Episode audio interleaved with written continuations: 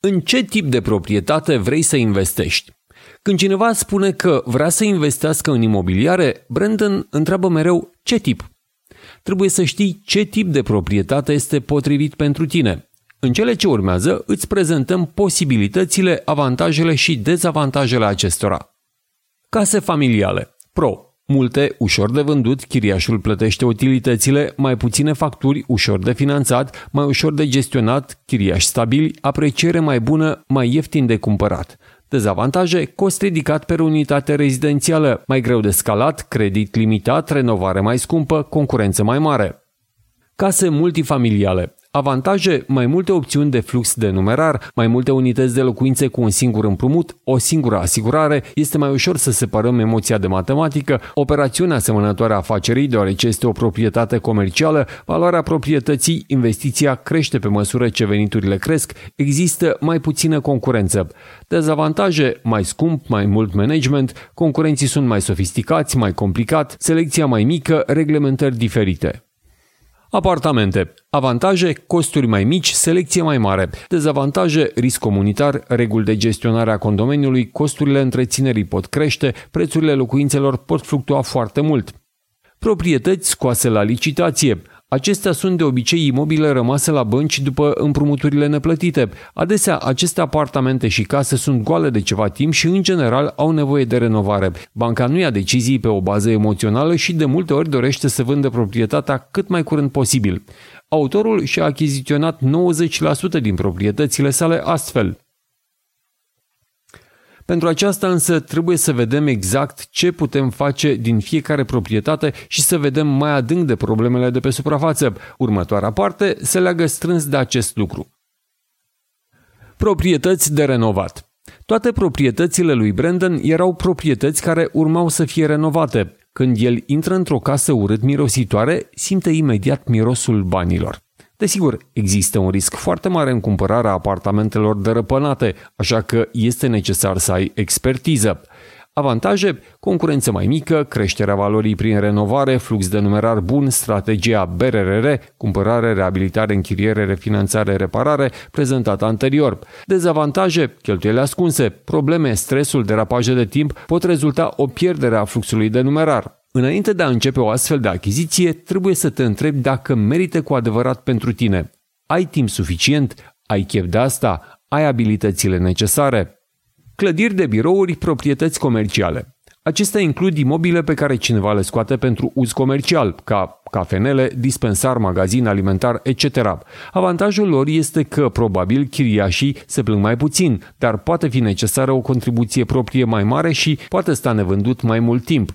Locație, locație, locație. Cunoașterea locației unde vrei să cumperi imobiliare este cheia unei investiții imobiliare de succes. Poți câștiga bani de pe orice piață, dar întrebarea este care este aproape de tine. Trebuie să ții cont de următoarele aspecte. Cartierul. Autorul clasifică cartierele în patru tipuri. A. Cel mai bun, cel mai modern. B. Mai vechi, dar foarte bun. C. Nivel de trai mai scăzut, proprietăți mai vechi de peste circa 30 de ani, de unde nu vrei să mergi singur.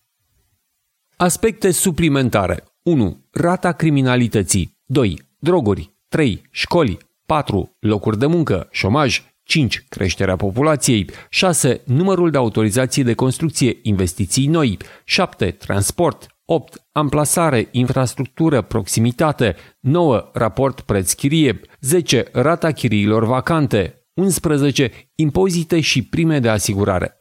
Există multe instrumente pentru a obține aceste informații. Poți găsi multe lucruri pe internet, dar ar putea merita să întrebi autoritățile locale și să asculți experiențele altora. Fă-ți temele și cunoaște zona. Procesul de cumpărare a imobilului. Majoritatea începătorilor ajung până aici. Preiau elementele de bază, învață teoria și apoi nu trec niciodată mai departe. Dacă vrei să te ocupi serios de investiții imobiliare, atunci este timpul să înveți cum să alegi proprietatea potrivită. Pașii pentru aceasta sunt 1. Caută apartamente. Cea mai evidentă soluție pentru aceasta este internetul. Vei găsi multe proprietăți pe portaluri precum olex.ro, imobiliare.ro, homes.ro. Cu toate acestea, nu este sigur că toate proprietățile de vânzare sunt listate pe aceste pagini. Poate merită să contractezi un agent imobiliar de încredere și priceput care are alte resurse la dispoziție și te poate ajuta. În plus, poți folosi scrisori poștale și fluturaș, dar este o soluție bună dacă te urci în mașină și conduci prin cartierul selectat. Dacă vezi o proprietate în care iarba a acoperit deja curtea sau cutia poștală este plină cu scrisori vechi, atunci proprietarul probabil nu este chiar atât de interesat de proprietate și o poți cumpăra la un preț scăzut. În plus, merită să te uiți la anunțuri și la marketplace-uri. Și, în sfârșit, pasiunea, care te ajută foarte mult. Dacă le spui multor oameni despre ceea ce faci, vor fi oameni care vor dori să te ajute și vei primi ponturi bune. 2. Alege imobilul potrivit. Aceasta este cheia. Poți să faci greșeli colo, dar dacă alegi imobilul greșit, cariera ta în investițiile imobiliare poate fi ușor de raiată. Să vedem aspectele pe baza experienței autorului. 1. Dormitoare. Apartamentele cu 1-2 dormitoare sunt de obicei închiriate de persoane singure care dacă întâlnesc pe cineva se mută repede. Casele cu 3-4 dormitoare atrag chiriași care rămân pe termen lung. Acestea sunt de asemenea cele mai bine vândute. Casele cu mai mult de 5 dormitoare, pe de altă parte, atrag familii cu mulți copii, iar copiii pot provoca multe daune. 2. Vârstă. Proprietățile mai vechi sunt mai ieftine, dar de multe ori trebuie să plătești greu pentru asta. Costurile pot crește rapid și sunt de asemenea mai puțin eficiente din punct de vedere energetic. Asta nu înseamnă că nu ar trebui să cumperi imobil vechi, trebuie doar să ții cont și de aceste aspecte. 3. Garaj. Brian a descoperit că proprietățile care au un garaj propriu tind să aibă chiriași care rămân mai mult timp. 4. Utilități. Caută proprietăți unde chiriașul poate plăti utilitățile, altfel costurile vor crește rapid. Dacă nu chiriașul plătește, atunci ferestrele sau robinetele rămân deschise ușor, ceea ce va mări costurile. 5. Grădină. Chiriașii nu vor acorda niciodată atenție proprietăților cu grădini mari și zone cu iarbă. Caută proprietăți în care suprafața grădinii este mică, astfel chiriașii nu vor avea mult de lucru cu ea. 6. Parcare. Trebuie să aibă un loc unde să parcheze. Cel mai bine ar fi dacă ar avea două locuri de parcare. În cele din urmă, iată opt probleme pe care ar merita să le cauți, deoarece sunt ușor de rezolvat, dar mulți oameni le ignoră. Cele opt probleme pe care merită să le cauți. 1. Miros. Cu excepția cazului în care există o scurgere de canalizare sub casă, este probabil să se rezolve ușor. 2. Dormitor ascuns. Există o cameră pe care o poți transforma în dormitor? 3. Dulapuri urâte în bucătărie. Bucătăria și baia frumoasă vinde proprietatea. Dacă dulapul de bucătărie poate fi renovat, poți economisi mult și asta va crește foarte mult prețul proprietății. 4. Acoperiș. Acest lucru poate speria mulți oameni, tocmai de aceea poate fi avantajos pentru tine. Află cât te costă înlocuirea întregului acoperiș și de multe ori merită. 5. Mucegai. Mucegaiul este peste tot, în aer, în mașina ta, când se înmulțește, devine vizibil. Mulți oameni se tem de asta. Elimină umezeala și ai rezolvat problema. 6. Amenajarea proastă. De multe ori, prin deschiderea unui perete, poți câștiga spații uriașe. De exemplu, poți deschide bucătăria și camera de zi într-una singură. 7. Amenajarea teritoriului. Aspectul exterior al casei contează foarte mult. Dacă poți face ordine în zona din fața casei, aceasta îi va crește foarte mult valoarea. 8. Gunoi. Ai văzut vreodată o persoană care colectează lucruri maniac? O bună parte a populației o face și acumulează mult gunoi. Gunoiul însă poate fi aruncat cu ușurință. În sfârșit, 5 probleme de evitat. 1. Cartier rău famat. Asta nu poți rezolva ușor și chiriașii vor fi probabil la fel. 2. Probleme legate de fundație. Pot costa foarte mult. 3. Alee comună cu vecinul. 4 direct lângă, sub aeroport, rute aeriene. 5. Lângă vecini cu câini zgomotoși și agresivi. Nu există o proprietate perfectă, cel perfect care te ajută să-ți atingi scopul. Odată ce începi să cauți, sigur vei găsi imobile cu potențial.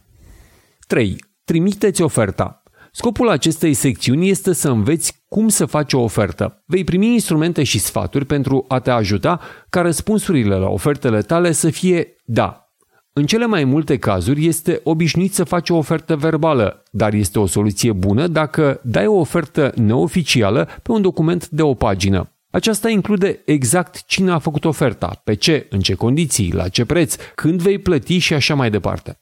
Merită să cunoști regulile privind depozitele, iar dacă ești serios în privința tranzacției, poți depune și depozitul. Dacă plătești cu un împrumut, merită să aduci un certificat de bonitate. Și ce preț să spui?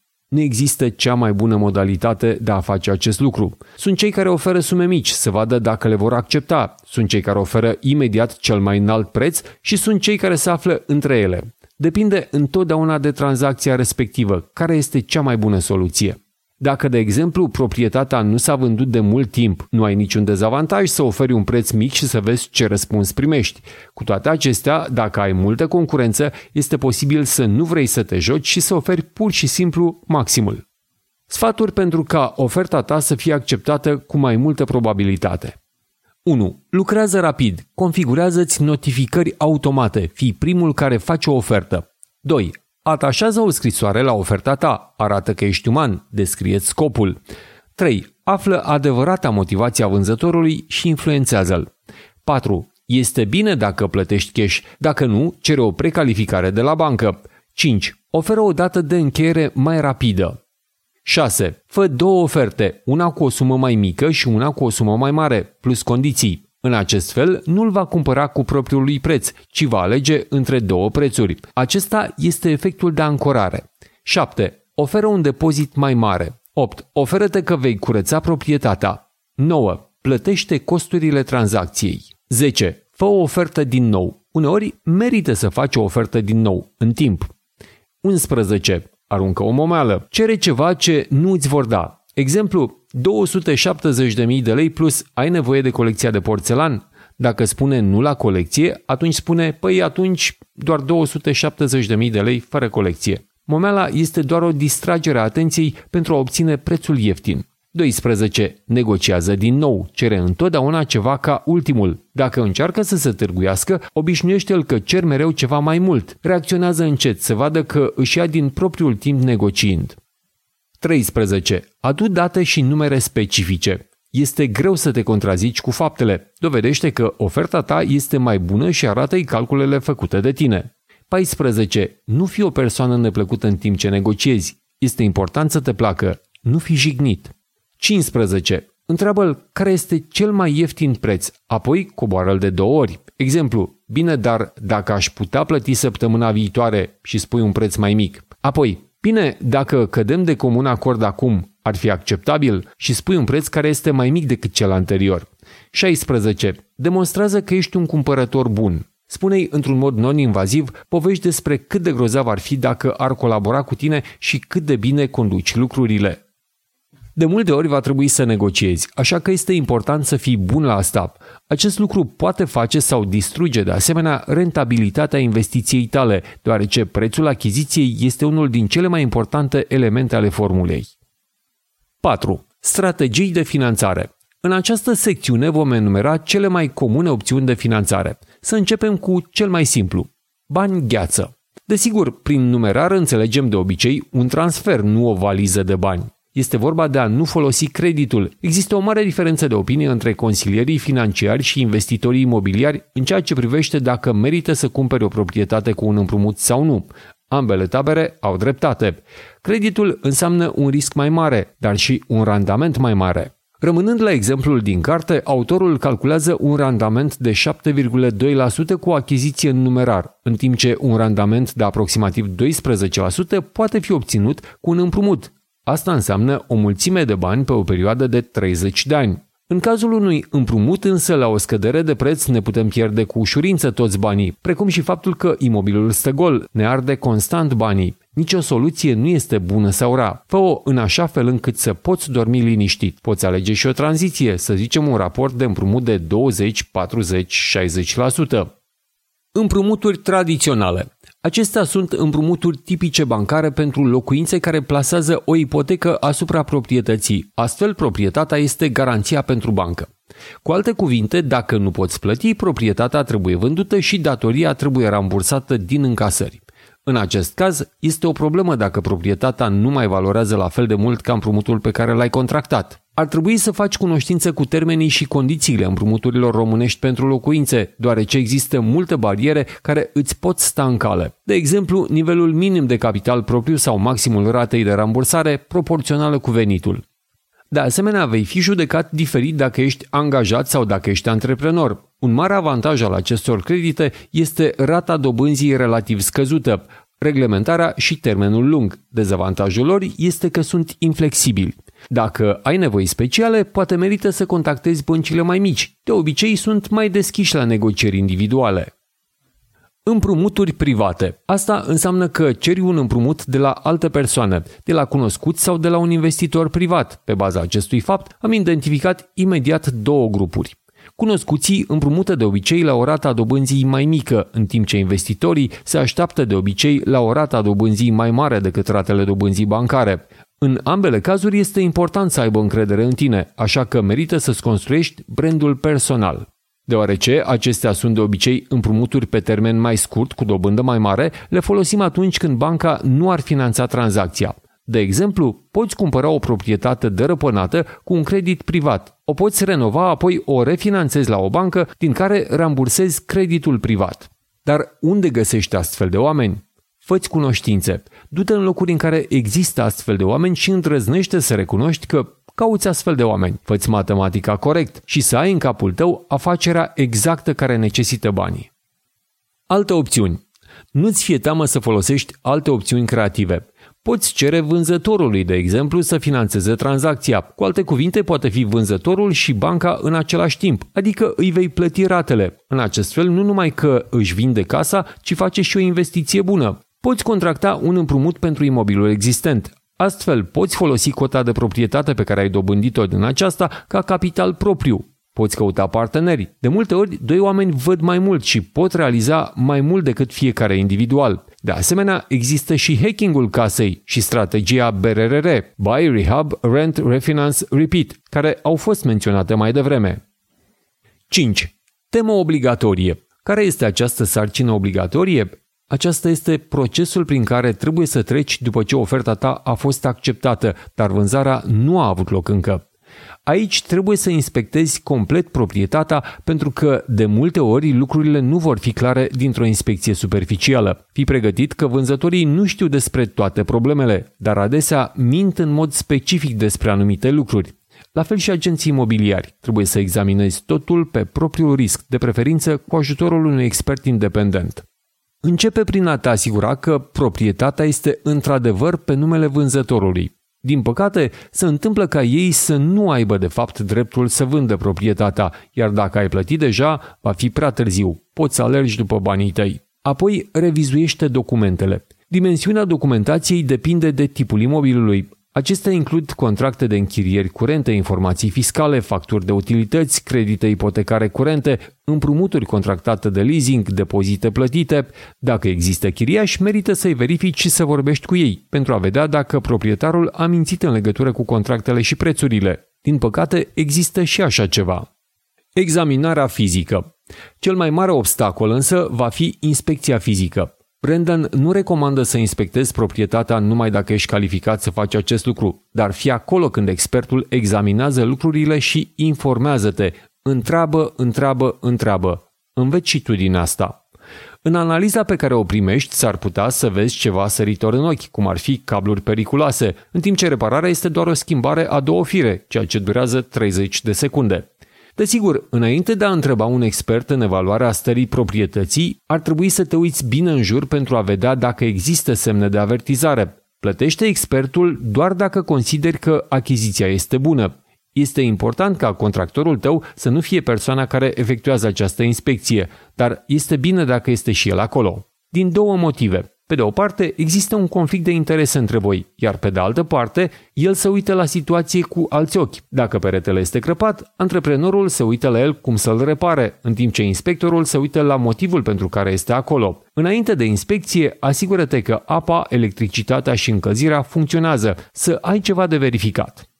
Preluarea documentației după inspecție vei obține un document lung și frumos. Nu lăsa acest lucru să te sperie, dar fii pregătit să te retragi dacă este necesar.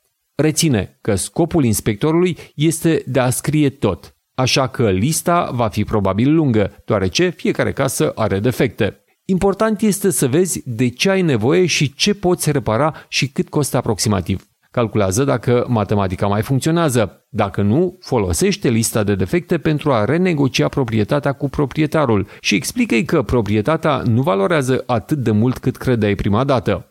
În cele din urmă, înainte de a semna, mergi încă o dată la proprietate și vezi dacă totul este într-adevăr la fel ca atunci când ați căzut de acord. Pe de altă parte, ar trebui să începi să planifici renovarea proprietății din timp, deoarece, dacă aștepți până la achiziție, vei avea probleme chiar de la început. Planifică ceea ce trebuie renovat și în ce ordine și scrie o listă cu materialele și instrumentele necesare, dar nu le cumpăra în avans.